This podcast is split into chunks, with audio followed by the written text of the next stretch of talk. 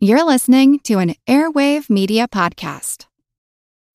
When you need mealtime inspiration, it's worth shopping Kroger, where you'll find over 30,000 mouthwatering choices that excite your inner foodie. And no matter what tasty choice you make, you'll enjoy our everyday low prices, plus extra ways to save, like digital coupons worth over $600 each week. You can also save up to $1 off per gallon at the pump with fuel points. More savings and more inspiring flavors make shopping Kroger worth it every time. Kroger, fresh for everyone. Fuel restrictions apply. What if I told you that you can support your blood pressure and healthy CoQ10 levels with two chews a day? The new SuperBeets Heart Chews Advanced is now supercharged with CoQ10. That's like getting CoQ10 for free. Our powerful blend of beetroot, grapeseed extract, and CoQ10 supports your cardiovascular health. Visit radiobeats.com and find out how you can get a free 30-day supply on bundles and save 15% with the promo code DEAL. This is Kick Ass Politics. I'm Ben Mathis. If you're listening for the first time, this is a preview station for Kick Ass Politics where I put up a few sample episodes for you to check out. I hope you enjoy this episode, and if you like it, then I encourage you to go to our main program at Kick Ass Politics and subscribe to the show. There are a lot more episodes there. Just search for Kick Ass Politics on iTunes, or if you go to the information page for this episode on iTunes, there's a link right there to subscribe to the main show. Also, feel free to check out our webpage at kickasspolitics.com, where you'll find show notes, book recommendations, and all kinds of extras. I'm Ben Mathis, and I hope you enjoy this preview of Kick Ass Politics.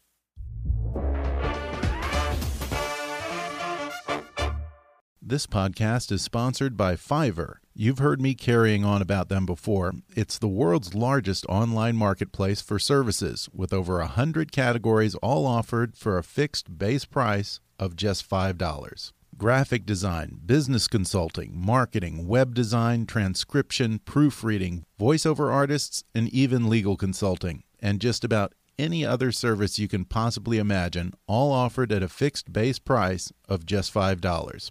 And right now, they've partnered with Vistaprint to offer 35% off printing services from Vistaprint when printing a design from Fiverr. That means you can go to Fiverr and commission someone to design your logo, your cards, monogram, Photoshop a picture for you, whatever, and then Vistaprint will give you a whopping 35% off just for printing a design from Fiverr. It can be business cards, postcards, flyers, t shirts, coffee mugs, baseball caps, tote bags, mouse pads, you name it, they can smack your logo on it. To take advantage of this deal, go to our site at kickasspolitics.com and visit our sponsor page. There you'll find a Fiverr link just for our listeners and that promo code to get 35% off from Vistaprint. You all know I'm a big fan of Fiverr, and if you haven't checked it out, now's the time to do so. Whatever you need done, find it on Fiverr. And now, enjoy the show. Hi there, and welcome to Kick Ass Politics. I'm your host, Ben Mathis. Let me ask you something. When was the last time you read the Constitution? Or how about the Bill of Rights? If you're like most Americans, probably not since high school government class. Well, I took some time to reread our founding documents the other day, and in doing so, I was blown away by just how much these old fellows in powdered wigs got it right. I mean, really, really got it right. So right, in fact, that in the 227 years since the creation of the Constitution, we've only made 27 changes or additions to it.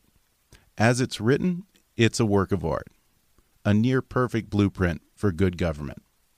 So, if that's the case, then how come things are so, mm, well, screwed up? Well, the founding fathers were actually very specific about what the federal government can do and what it can't do. They also took great care to explicitly protect the rights of individuals and the states from federal overreach. But just like most legal documents, there's always a loophole somewhere. And today, there's no shortage of politicians, judges, and bureaucrats eager to exploit that and purposefully misinterpret our founding documents to suit their own agenda. Well, today we're going to get a refresher course in the Constitution with my guest, Senator Mike Lee of Utah. You might say he knows a thing or two about the Constitution, Before winning election to the U.S. Senate, he worked as assistant U.S. attorney arguing cases before the Tenth Circuit Court of Appeals. And then he served as general counsel to Governor Jon Huntsman of Utah, and later as a legal clerk to Supreme Court Justice Sam Alito. In 2010, he defeated incumbent Bob Bennett to become the junior senator from the state of Utah. Since then, Mike Lee has distinguished himself in the Senate as perhaps the biggest champion of the Constitution, advocating limited government, fiscal responsibility, and individual liberty. Senator Lee has just written a new book called Our Lost Constitution The Willful Subversion of America's Founding Document.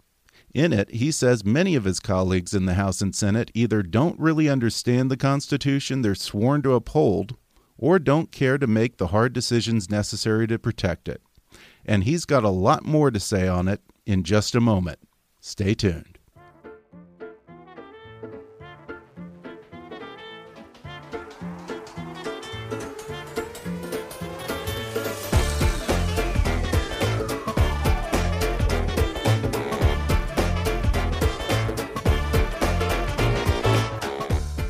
Hollywood to Washington, it's time for Kick Ass Politics. And now here's your host, Ben Mathis. I'm joined on the podcast today by Senator Mike Lee of Utah. He's written a new book called Our Lost Constitution The Willful Subversion of America's Founding Document. Senator Lee, thanks so much for coming on the podcast. Oh, thank you. It's great to be with you.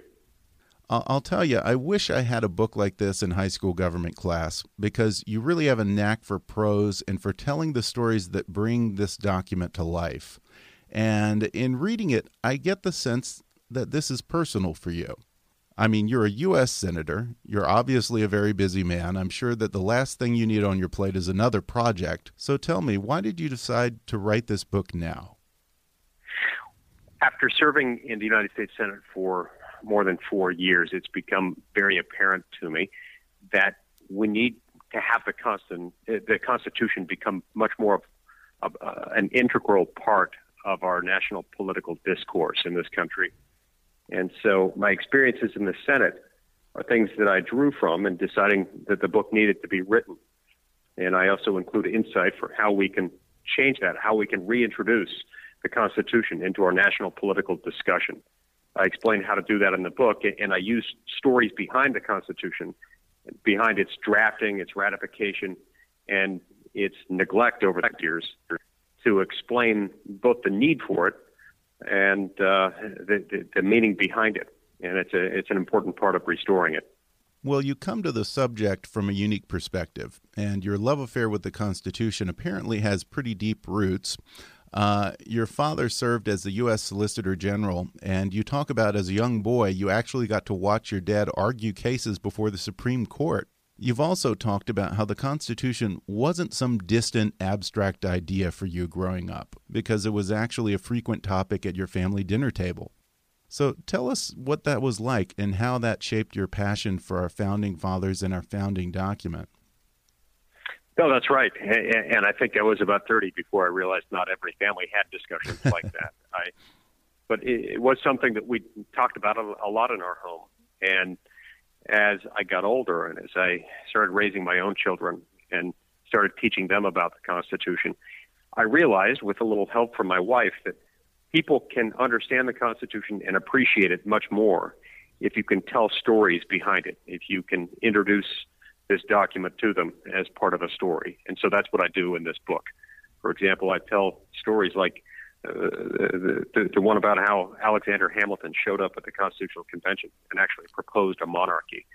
I uh, tell stories behind Hamilton trying to examine why he might have done that and explain all the reasons why his idea was so soundly rejected and what kind of thinking it reflected among the founding generation. Well, yes, and the stories really bring the Constitution and the whole process behind it to life, which is so important because it's hard to get today's generation to realize how relevant it still is and to take an interest, but not even just for young people. You say that a large part of the problem in government today is that many senators and congressmen don't really bother to take the time to understand the very documents they're sworn to uphold. Do you feel that that's reflected in uh, the way that many senators and congressmen legislate? Yes, unfortunately, uh, there is an environment in Washington that leads a lot of lawmakers in a position where, when they're asked about the constitutionality of a particular provision, they're likely to think of that question as basically being, what will the Supreme Court do with this? In other words, they think of the Constitution as a thing for the courts and not a thing for us, when really we ought to be doing our own independent analysis, regardless of whether the Supreme Court is going to say no to something. There are instances where we might need to say no, even if the Supreme Court lets it slide, or even if it never gets challenged in court. And I explain why uh, that is the case in my book, and I also explain how people can tell whether someone running for the U.S. Senate or the House of Representatives uh, has these kinds of questions in mind and how they can help shape our national political discourse in a way that will help restore our lost Constitution. Yeah, well, that's an interesting point because you talk a lot about how legislators pass laws, but then they don't go into the details, and then agencies are left to go hog wild and create regulations that essentially have the effect of law and spend enormous amounts of money because you say that legislators want the benefit of passing a law, but they don't want the responsibilities of having the details come back to bite them. Yes, that's exactly right. As I explain in my book, I have these two stacks of documents in my office that sort of illustrate the kinds of problems that this sort of thinking produces. I've got one stack of documents that's 11 feet tall. It's 80,000 pages long, and it consists of all the regulations announced, released for public and comment, and, and, and finalized last year uh, by, by executive branch bureaucracies. Uh, 80,000 pages. The other stack of documents that's right next to that one is just a few inches tall. It's only a few hundred pages long, and it consists of the laws passed by Congress last year. The executive branch bureaucrats, while well educated and well intentioned, hardworking, and highly specialized, they are not elected by the people. They don't stand accountable to the people at regular intervals. And as a result, they produce a lot of law that doesn't make sense. Now, and it's also wrong that most of this law is being produced by people who aren't elected. And it's wrong that members of Congress who are elected are passing the buck by purporting to pass laws when really they're just delegating it to somebody else. So, as I explain in the book, Congress will pass a law, for example, saying something like, we shall have clean air. And we hereby give the EPA the power to decide what clean air is, what pollution is, what happens to polluters, and then the same agency that makes those laws also gets to enforce them. And so it creates a huge separation of powers problem, and it also diminishes political accountability in the system, which is wrong. Well, I have to think that this doesn't make you a very popular guy on Capitol Hill. uh, how do you sell your fellow lawmakers on this idea of taking on more responsibility? Um, my fellow senators and uh, and my friends who are congressmen uh, are themselves not the immediate target audience. The immediate target audience is the American voter, uh, because I think that the American voter can change this simply by voting differently, by asking a different set of questions when talking to someone who's running uh, for the House or for the Senate, uh, whether for the first time or for reelection. And I explained the questions that you can ask to help prompt this move toward restoring our lost Constitution in my book. Yeah, well, you would think that that's the kind of thing that all Americans could get on board with. But I, I suspect that many people don't really understand how this affects their lives. Uh, for instance, you talk about how these federal agencies are free to enact whatever regulations they want, no matter how costly, and these regulations don't just affect large industries because those companies have to pass that cost on to the consumer, essentially amounting to a hidden tax on all Americans. And you say that that hidden tax now amounts to $2 trillion a year. Is that right? $2 trillion a year. Now, that's, that's about two thirds of what our wow. tax system costs us, our federal tax system costs us. $2 trillion a year. And we have to remember that, uh, wow. much as uh, there are a lot of people who would have you believe otherwise, these are costs that are not simply shouldered by big, wealthy corporations. All of these costs are passed downstream. They're passed downstream and they make everything we buy more expensive. They lead to higher prices for goods and services in the marketplace. They lead to diminished wages, and they lead to unemployment. All these things disproportionately impact poor and middle class Americans.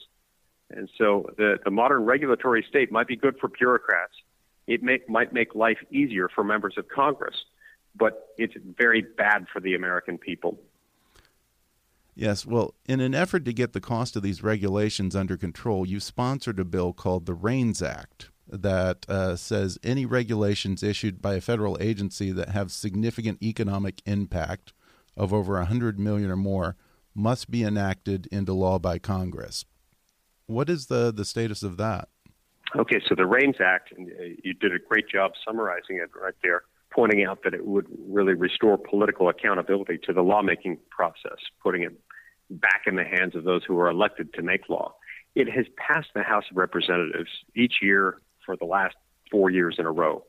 It, it has yet to receive a vote in the Senate. And that needs to change. I intend to uh, make sure that we get a vote on the REINS Act in the Senate sometime this year. This is something that needs to pass into law, and and really is not partisan. It's not ideological. It's simply a, a constitutional concern. It's making sure that we don't have new laws created, laws that make everything Americans do uh, more expensive and time consuming without Congress having to pass those major regulations into effect. Yeah, well, it's a pretty common sense idea that the government shouldn't be able to do something that makes major financial impact without at least someone having to go on record and take responsibility for it. It's, it's a good idea. Um, well, we're going to take a quick break here, and then I'll be back to talk more with Senator Mike Lee about our lost Constitution and how we can take it back. Back in just a moment.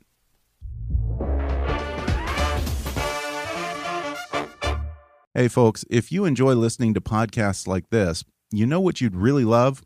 Audiobooks. They're great entertainment for your morning commute or your workout while you're cleaning the house or just unwinding before bed.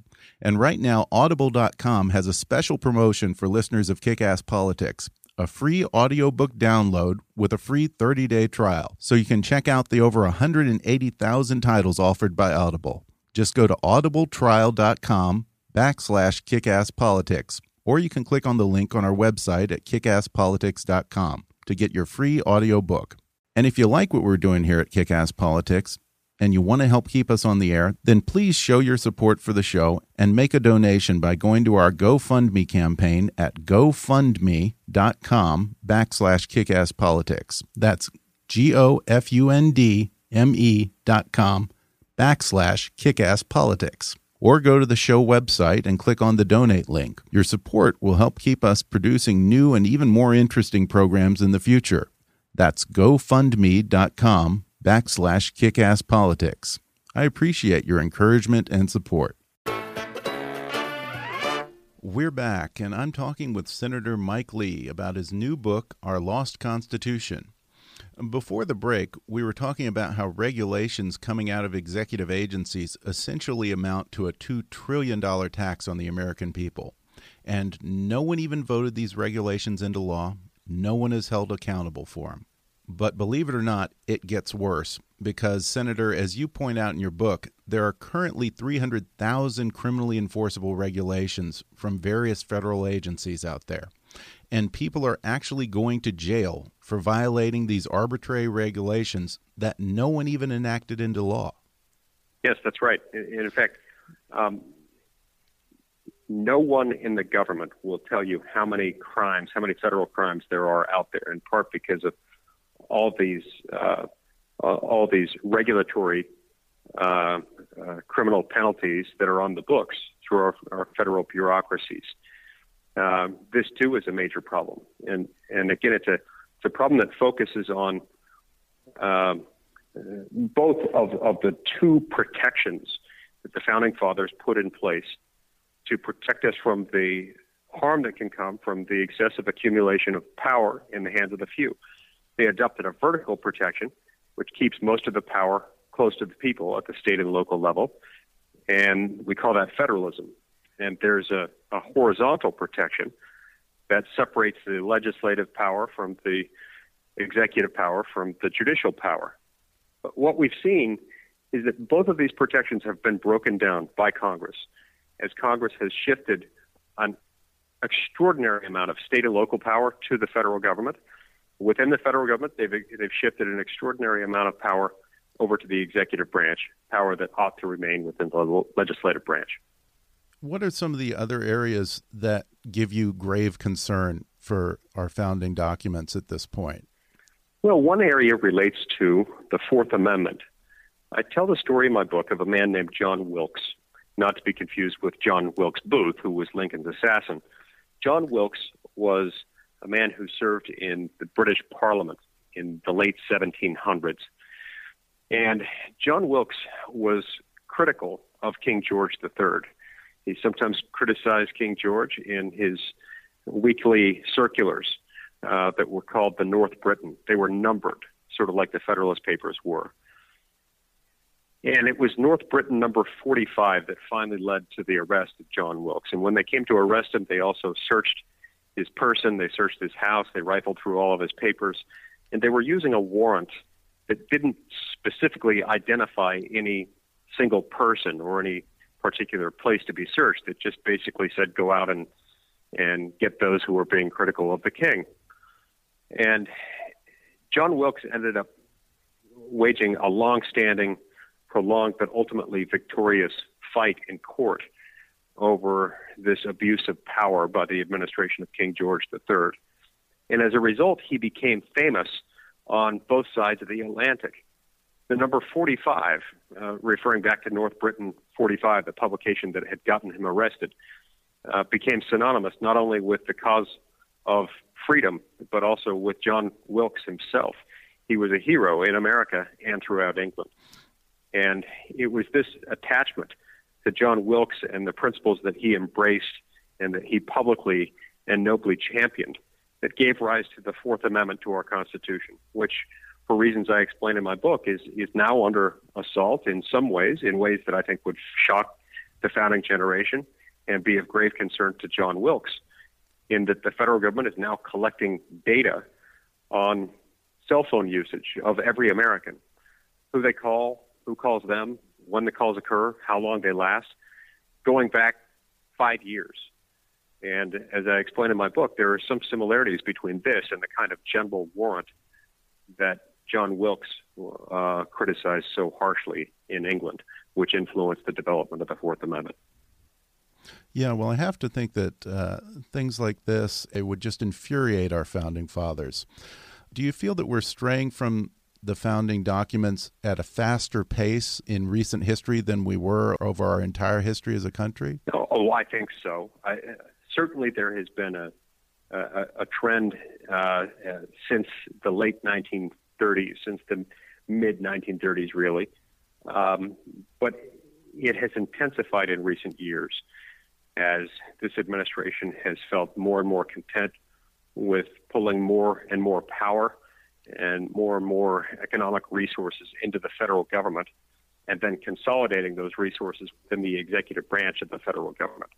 The passage of laws like Obamacare and like Dodd Frank have created many hundreds and hundreds of new authorities for executive branch bureaucrats to basically make new law. And that has compounded the problem even further. So while we've been on this drift for about 80 years, it has intensified in recent years. But with that intensification, the American people have awakened to the fact that things are not as they should be. And it's time for us to identify that the fact that there are parts of our Constitution that have been neglected, ne- neglected that we can call them part of our lost Constitution. But our lost Constitution, as I explain in my book, can be restored. It can, it must, and I believe it will. That's right. In the last chapter, you do talk about what the average citizen can do to restore the Constitution. What What are some of the other things that the average person can do? Well, first of all, it it, helps to read the book, uh, read the Constitution, and, and read my book about the Constitution, right. telling the stories behind it. Because if if you know the stories behind it, you can help explain to others its importance. It also helps, as I explain in the book, uh, to be equipped to ask questions about what each person running for the House or for the Senate has in mind in terms of the balance of power between state and federal governments. Uh, as I explain in the book, the federal government was supposed to be one of limited enumerated powers, powers that James Madison described as few and defined, while the powers reserved to the states would be numerous and indefinite. We've flipped that on that principle on its head over the last 80 years, and we we need to find a way to restore uh, th- this concept, which I call federalism, the idea that most government decisions need to be made closer to where most of the people are. And this is a principle, as I explained, that is neither Democratic nor Republican. It's it's neither conservative nor liberal. It's simply an American principle. It's a principle that allows more people to get more of the kind of government they want and less of the kind of government they don't want. Well, it's certainly a terrific read, and I think uh, it really brings our founding documents to life for people. So I highly recommend that people read it. Uh, it's Our Lost Constitution The Willful Subversion of America's Founding Document by Senator Mike Lee of Utah. Uh, before we go, I just have to ask you I've heard this story before. I heard that you were once locked in a garage by Harry Reid. yes, this was this was not recent. This was when I was about 11 or 12 years old. It's a long story, but Harry Reid's son Josh and I have been friends since the sixth grade.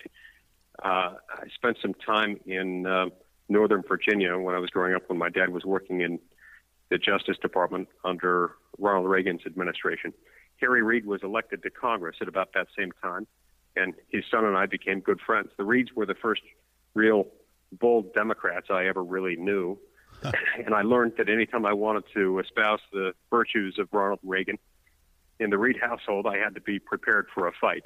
Wow. Well, that's a but baptism of I've fire. I've always gotten along well with the Reids.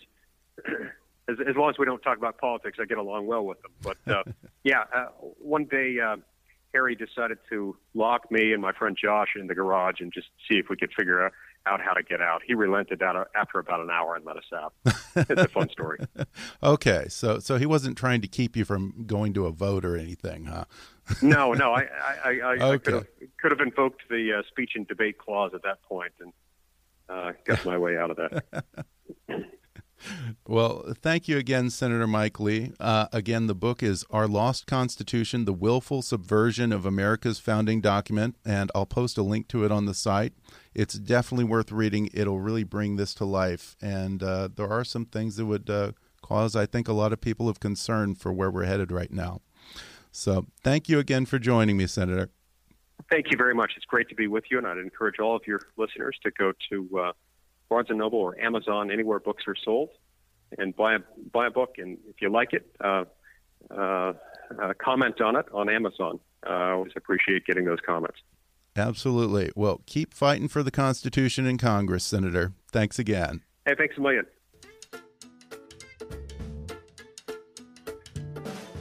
Thanks again to Senator Mike Lee for coming on the podcast to discuss his book, Our Lost Constitution. It's definitely worth a read. It's available in hardback and Kindle, and I'll post an Amazon link on the show notes on our website, so definitely check it out. You're going to love it. Now, be sure to subscribe to the show on iTunes and leave us a review for a chance to win my book of the week. And if you like the show, then consider making a donation on our website or go to gofundme.com backslash kickasspolitics. This ain't some fly by night operation here, folks, and it costs money to do a show like this, believe it or not. So if you're enjoying what we're doing here, then maybe just send us a buck or two to help keep us going and uh, to let us know that we're on the right track. It's certainly appreciated. I welcome your comments, questions, and suggestions at comments at kickasspolitics.com, or you can leave a voicemail on our toll free listener hotline at 844 KA Politics. And in the next episode, we'll talk about the threat of EMP, or electromagnetic pulses. It's hard to imagine, but in one fell swoop, an EMP could knock out your cell phone, your computer, and even your car. But that's just the start. An EMP has the power to knock out the entire U.S. electrical grid, including our military and even the planes in our skies, all at once. This isn't science fiction, folks. This is a real thing. Right now, countries like Iran, North Korea, and Russia are working on weaponizing EMP, and the U.S. is a sitting duck, and we are entirely exposed to an attack. So, my guest will be Dr. Stephen Vincent Pry, the Executive Director of the Task Force on National and Homeland Security. He'll tell us just how vulnerable we are, how bad it could be, and what the government should be doing to prevent an attack. That's all in the next episode. In the meantime, I'm Ben Mathis, and thanks for listening to Kick Ass Politics.